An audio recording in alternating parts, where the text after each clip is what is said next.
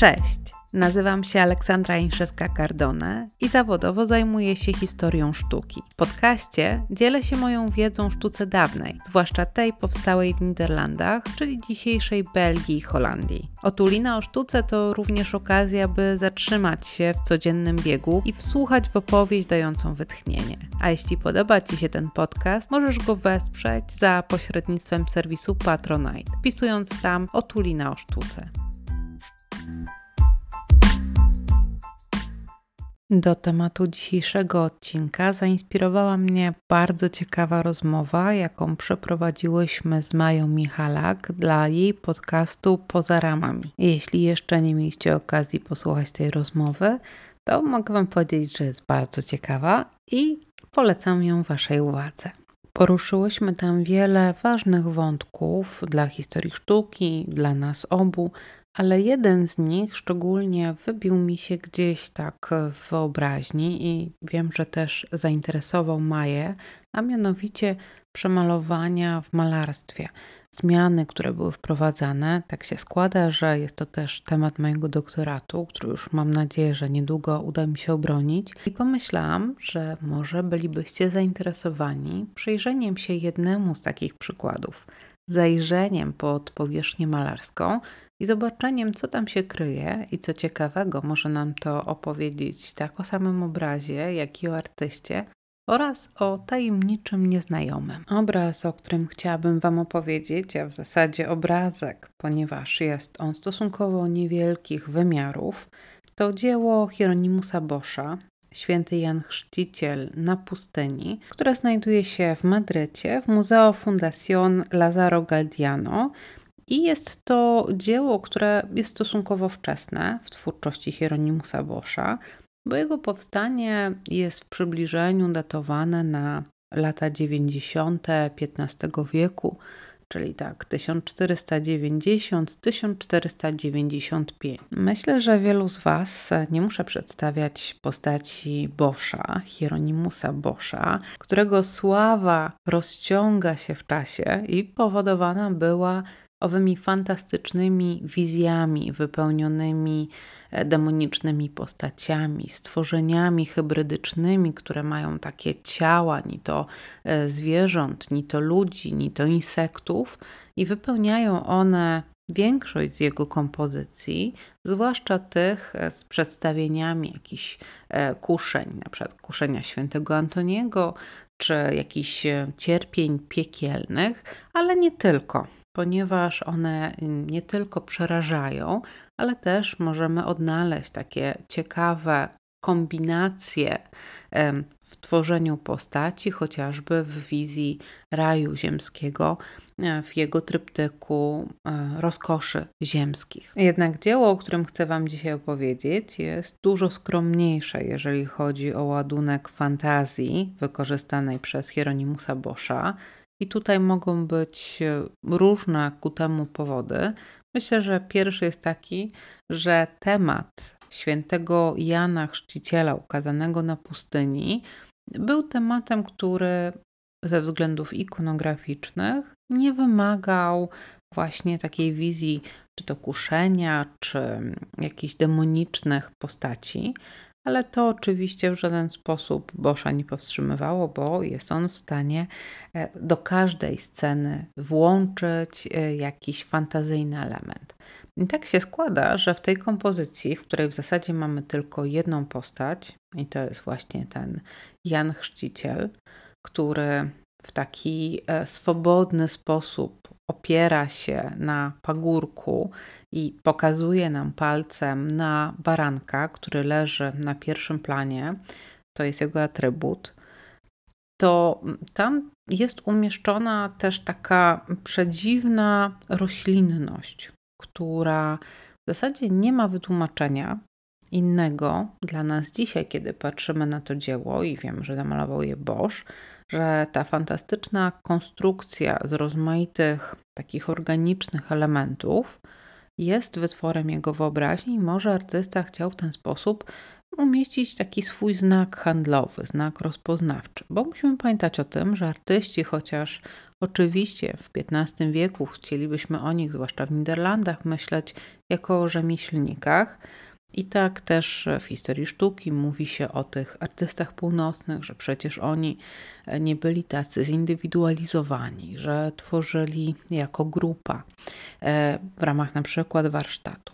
Ale to jest tylko połowa prawdy, dlatego że druga połowa przynosi nam nazwiska takich wielkich mistrzów jak Jan van Eyck, jak Rogier van der Weyden, jak Hans Memling, czy właśnie jak Hieronymus Bosch, który działając już w ostatnim dziesięcioleciu XV wieku i będąc jednocześnie równolatkiem Leonarda da Vinci, o czym możemy zapominać, bo jednak gdzieś te drogi sztuki północnej i południowej lubią nam się rozejść i żyć jakby równoległymi życiami. To jednak ci artyści północni też mieli świadomość tego, że rola czy pozycja artystów, czy to na południu, czy w ogóle w obrębie społeczności, społeczeństwa, zaczyna być coraz bardziej ważna, eksponowana i sam Hieronymus Bosch był członkiem bardzo prestiżowego bractwa, które działało w jego mieście. To miasto to Hertogensbosch. Dzisiaj to jest po prostu Den Bosch, miasto, do którego można pojechać i zajrzeć do katedry świętego Jana. Ten kościół e, był głównym kościołem miasta. Tam też swoją kaplicę, swój ołtarz e, miało owo bractwo maryjne które gromadziło mm, no, takich bardzo szanowanych obywateli, a nawet y, w obręb członków tego bractwa chcieli włączać się różni arystokraci, nawet spoza miasta. I tak się składa, że jednym z owych członków stał się również Hieronymus Bosch, takim zaprzysiężonym był członkiem, co też wskazywało na jego wysoką pozycję zarówno społeczną, jak i ogólne uznanie, jakim musiał się niewątpliwie cieszyć e, w, w samym mieście, ale też no, w takich szerszych kręgach. I teraz dzieło, o którym Wam mówię, i też właśnie wspomniałam Wam o tej dziwnej roślinie, którą tam umieścił, na pierwszy rzut oka mogłoby się wydawać, że właśnie to jest ten jego znak rozpoznawczy, czyli coś, co jest wytworem jego wyobraźni, coś, co nie jest ani odwzorowaniem rzeczywistości, ale też nie znajduje, tak byśmy mogli założyć, odwzorowania e, w dziełach, które są znane, które są z jego czasu. Trudno znaleźć na to taki wzorzec, który on by mógł naśladować, jako ten artysta, jednak zakorzeniony w tradycji jeszcze rzemieślniczej, e, gdzie wykształcenie przecież polegało na tym, że naśladowało się wzorce, które otrzymywało się od swojego nauczyciela, i one były niejako wyznacznikiem tego, w jakim stylu dany artysta będzie tworzył. Niewiele wiemy o tym, jak dokładnie przebiegała ta droga mm, edukacyjna Boscha i którędy jego pomysły wykwitły właśnie w to, co z nim teraz kojarzymy. Ale wracamy cały czas do tej przedziwnej rośliny, która w samym środku ma taki obły owoc, niejako, może trochę przypominający granat. I teraz wyobraźcie sobie, że zanim ta roślina została namalowana, to sam artysta najpierw namalował tam postać klęczącego mężczyzny, w pełni wykonaną. Mężczyzna był w pełni ubrany zgodnie z ówczesną modą, czyli mieliśmy też do czynienia wtedy z portretem. Tego typu przedstawienia, zazwyczaj umieszczane właśnie w obrębie jakiejś świętej sceny, sugerują, że mm, ta postać, no nie dość, że była fundatorem, czyli tym, który najprawdopodobniej zamówił to dzieło, kazał się w nim sportretować, to jeszcze do tego wszystkiego możemy zadać sobie pytanie, do czego to dzieło miałoby w tej formie służyć. Pierwsza odpowiedź jest taka, że jeżeli mamy do czynienia z jedną pojedynczą tablicą, to albo była ona częścią czegoś większego, albo miała służyć samodzielnie. Ale takie samodzielne tablice z postacią donatora, fundatora praktycznie nie występują. Zazwyczaj jednak były w jakimś zestawie. To na co patrzymy, wyobrażając sobie, że nie ma tej dziwnej rośliny, to właśnie ów mężczyzna klęczący obok świętego Jana Chrzciciela, który w ogóle jest w takiej nietypowej bardzo postawie, jeżeli mielibyśmy uwzględnić, że miał on towarzystwo, ponieważ jeżeli mamy postać świecką, taką prawdziwą osobę, żyjącą, to jeżeli była ukazana ze świętym, to ten święty miałby być jego opiekunem, miałby być jego pośrednikiem w uzyskaniu zbawienia. Tutaj, co prawda, święty Jan Chrzciciel wskazuje palcem na baranka, i ten baranek to jest oczywiście baranek Boży, to jest symbol tego, jaka była rola też, jaka była funkcja Jana Chrzciciela, czyli zapowiadającego przyjście Zbawiciela, tego baranka Bożego, którym był Chrystus. Więc niejako tutaj ten Jan Chrzciciel wskazuje temu mężczyźnie cel jego modlitw, kontemplację tajemnicy zbawienia tej ofiary, którą da Chrystus. Niemniej, co miałaby znaczyć taka tablica, gdzie miałaby być umieszczona, jeżeli byłaby samodzielna? No, trudno sobie to wyobrazić, one zazwyczaj jednak pełniły funkcje um, albo takie epitafijne, więc ona jeszcze tutaj, jeżeli miałaby być epitafium, musiałaby być opatrzona jakimś tekstem, a też nic na to nie wskazuje. Badacze z kolei podnoszą, że przy badaniu podłoża, czyli deski, to jest na desce dębowej namalowanej, tutaj taka ciekawostka, e, deski dębowe były sprowadzane z terenów e, Rzeczpospolitej, między innymi, więc mamy niejako tutaj e, wkład jako kraje nadbałtyckie w produkcję właśnie sztuki niderlandzkiej.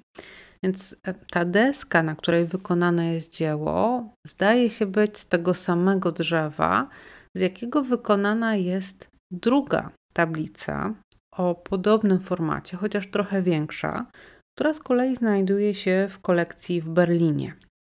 I teraz jest tak, że deska, o której ja Wam mówię, tutaj ten święty Jan Chrzciciel, e, ona jest przycięta ze wszystkich stron. Nie dość, że jest przycięta, czyli to już jest taki trochę akt wandalizmu, pewnie jak dzisiaj byśmy o tym myśleli, to jeszcze została przecięta w grubości, czyli tak jakby rozszczepiona, jakbyście sobie to wyobrazili.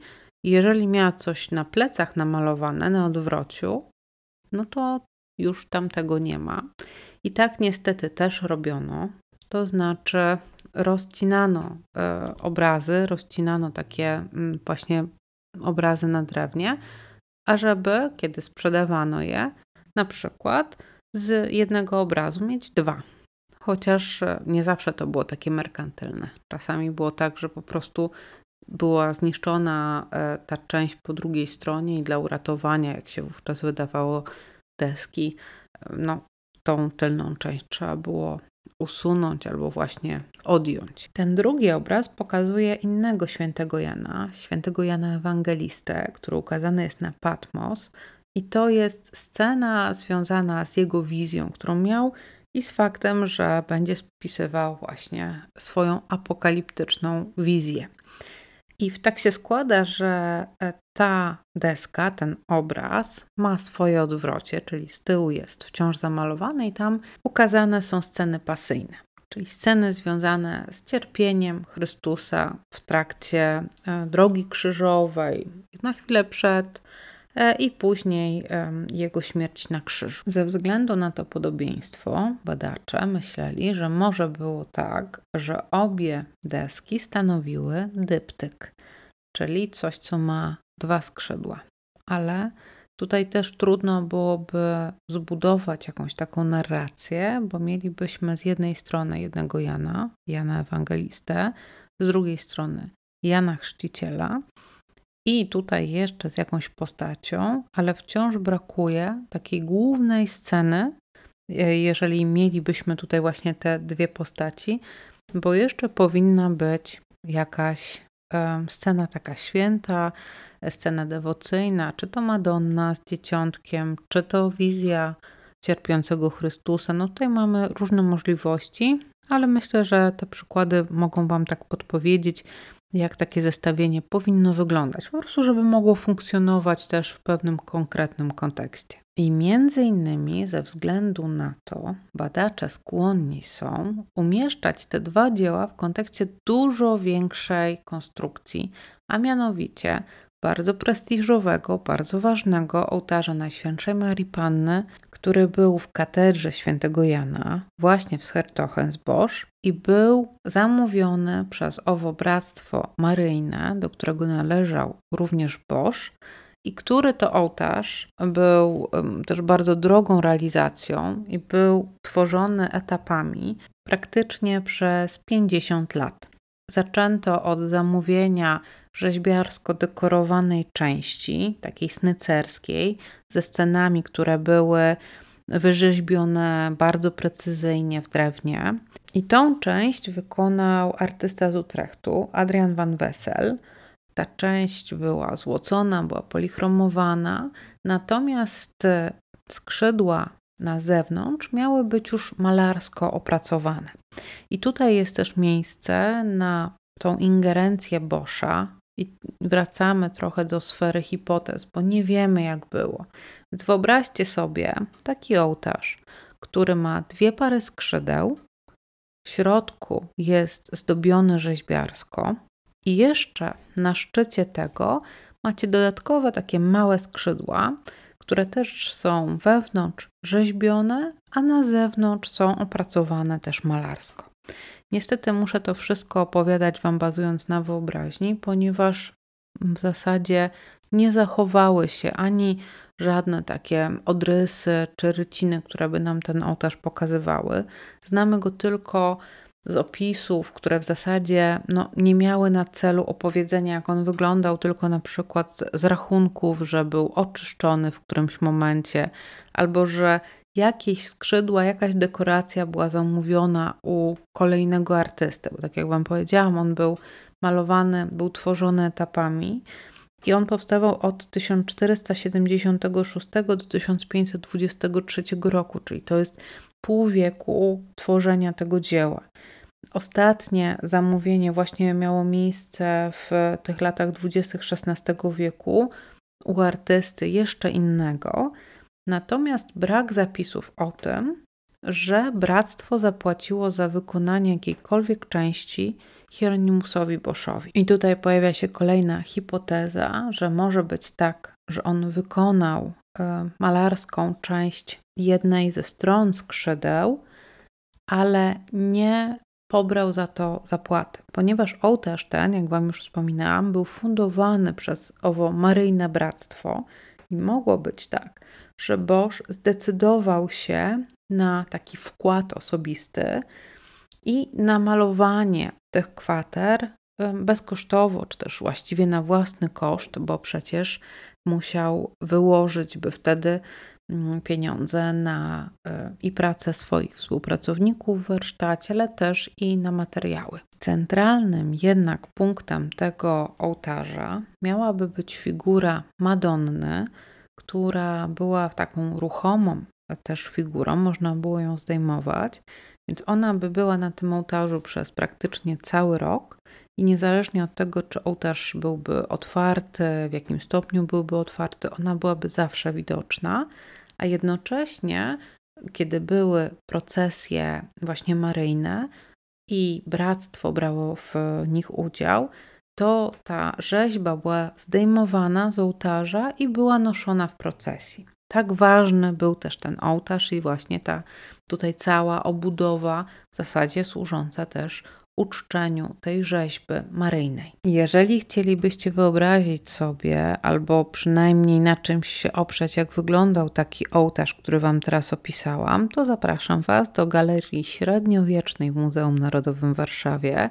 Zobaczcie tam E, ołtarz Josa van Kleve, ołtarz świętego Reinolda i on jest wykonany dokładnie w takiej technice, jaką Wam tu opisałam. To znaczy części środkowej macie snycerkę, macie rzeźbę i macie złocone elementy. Są dwie pary skrzydeł. Kiedy zamkniemy te skrzydła, mamy część malarską.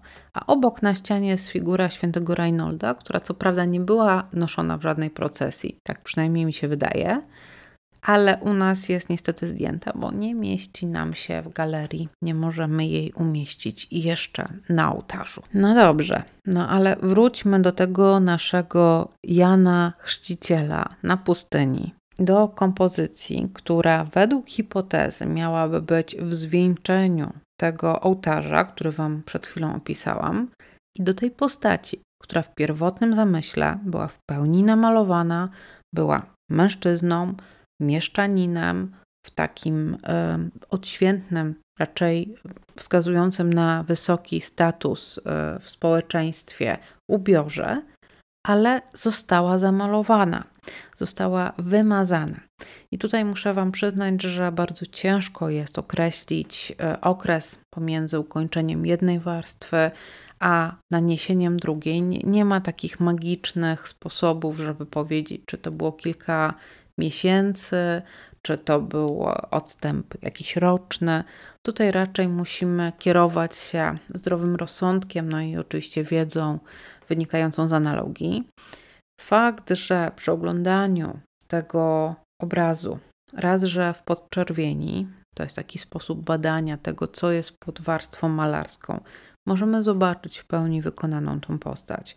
A kiedy badamy próbkę z właśnie z tej kompozycji, próbkę farby, próbkę warstwy malarskiej, to tam jest też zauważalna warstwa werniksu, która jest pomiędzy tymi e, warstwami e, malarskimi, czyli tam, jak jest ukazany mężczyzna, a tym, e, jak jest namalowana owa fantazyjna roślina. Oznacza to, że artysta w swoim zamyśle ukończył to dzieło, uznał je za skończone, kiedy namalował mężczyznę, nałożył werniks, który jest taką ochroną na warstwę malarską, żeby zabezpieczyć ją przed mechanicznymi uszkodzeniami.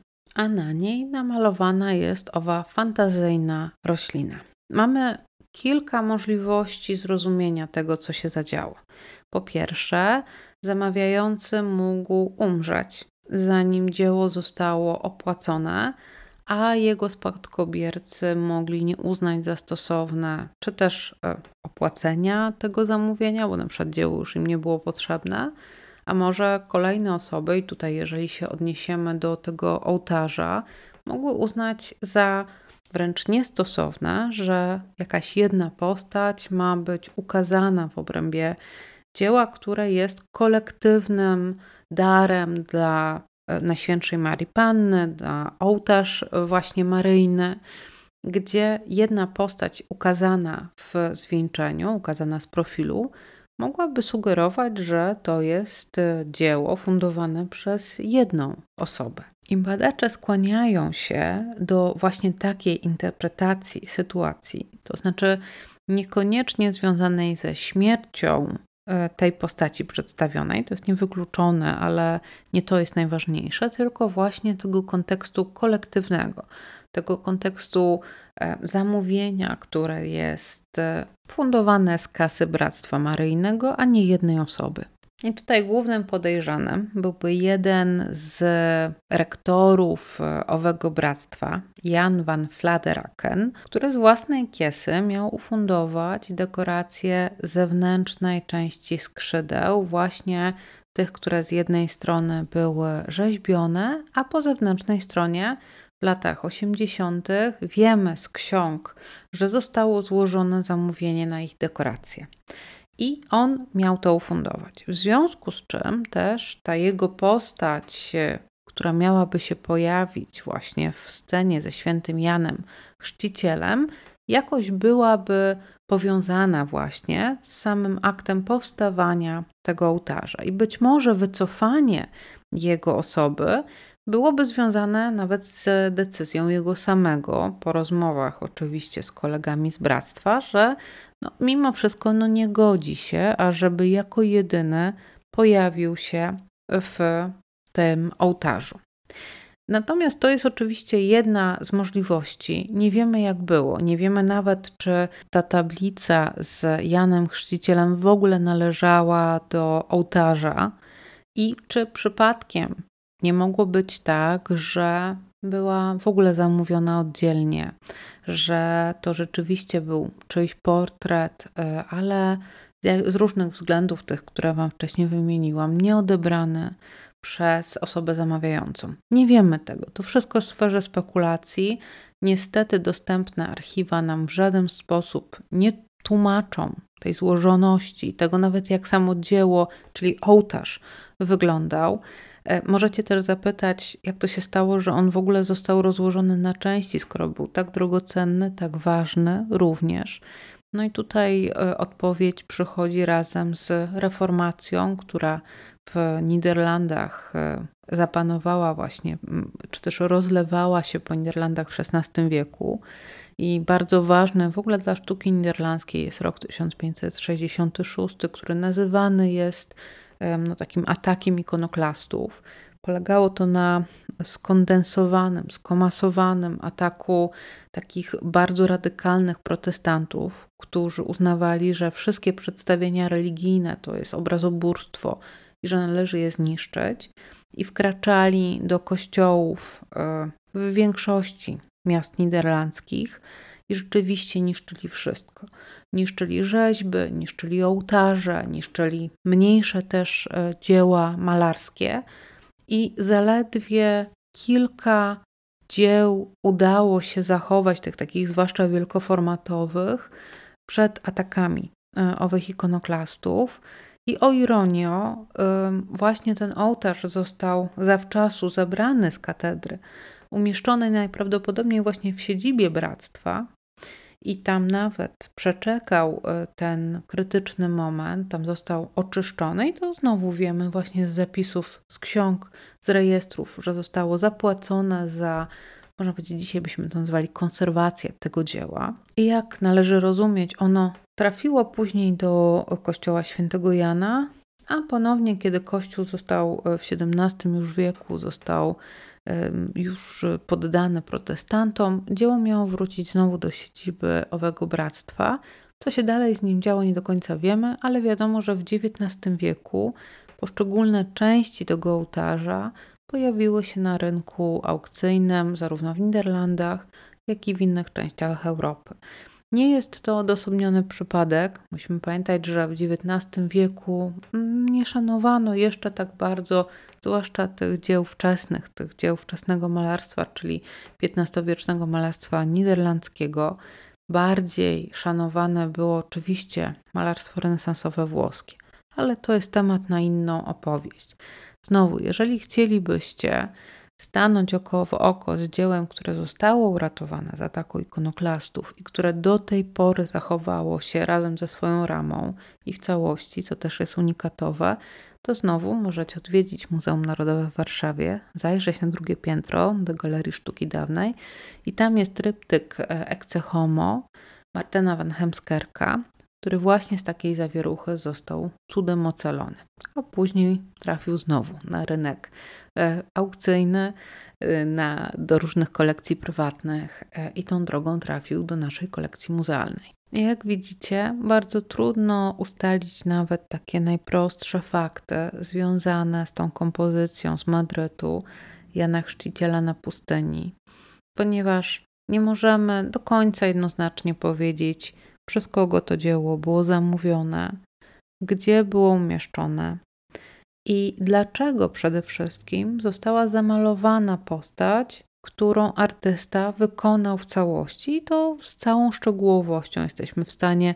w, zwłaszcza w zdjęciach w podczerwieni, dopatrzeć się wręcz rysów tej postaci. Oczywiście to jest znowu kuszące, żeby może przez analogię znaleźć kogoś, kto wyglądał podobnie, ale niestety jest to jedna z pułapek historii sztuki szukanie podobieństwa, zwłaszcza w obrębie postaci, które malował ten sam artysta, ponieważ artyści wówczas mieli swój styl i rysy tych osób portretowanych stawały się niebezpiecznie zbliżone do siebie nawzajem. Więc tutaj też trzeba byłoby bardzo uważać. Żeby jeszcze skomplikować sprawę, sam Hieronim Bosch i jego dzieła przynoszą nam chyba najwięcej przykładów takich zamalowanych donatorów, zamalowanych postaci, które ewidentnie artysta wykonał w ciele, a następnie zadecydował o ich usunięciu. w żadnym wypadku nie zachowały się ani jakieś umowy, ani kontrakty mówiące nam albo dające chociaż wskazówkę, kto był zamawiającym, do czego było przeznaczone to dzieło i dlaczego zostało zamalowane. W innych przypadkach niż ten, o którym Wam teraz opowiadam, tłumaczy się to usuwanie osób, najczęściej gdzieś ze skrzydeł, na przykład tryptyku, wycofaniem się zamawiających, wynikającym najczęściej ze śmierci tych osób i później braku zainteresowania ze strony rodziny i potrzebą jednak sprzedania dzieła, w które artysta zainwestował czas, pieniądze i pracę również swoich pomocników. I wówczas poprzez usunięcie portretów postaci dzieło stawało się bardziej uniwersalne. Mogło trafić na wolny rynek, mogło zostać sprzedane wielbicielowi stylu Boscha, a niekoniecznie e, komuś, kto chciałby mieć dzieło z portretami obcych sobie osób, które do niczego nie były mu potrzebne. Jak widzicie, nawet dzieła, które odwiedzacie w muzeum i które są opisane, o których możecie czytać w katalogach, mogą okazać się dziełami, które wciąż skrywają tajemnice i to nie tylko przed Wami zwiedzającymi, ale również przed samymi kuratorami, przed osobami, które dopiero zabierają się za badanie owych dzieł, ponieważ, jak wszystko, wymaga to czasu, pieniędzy i dobrego planu. I tą refleksją żegnam się dzisiaj z Wami. Mam nadzieję, że weekend będzie mimo wszystko przyjemny, bo ta pogoda, która teraz jest za moim oknem, nie nastraja pozytywnie. Ale cóż, nadciąga zima i nie da się przed tym nigdzie ukryć. Do usłyszenia w przyszłym tygodniu.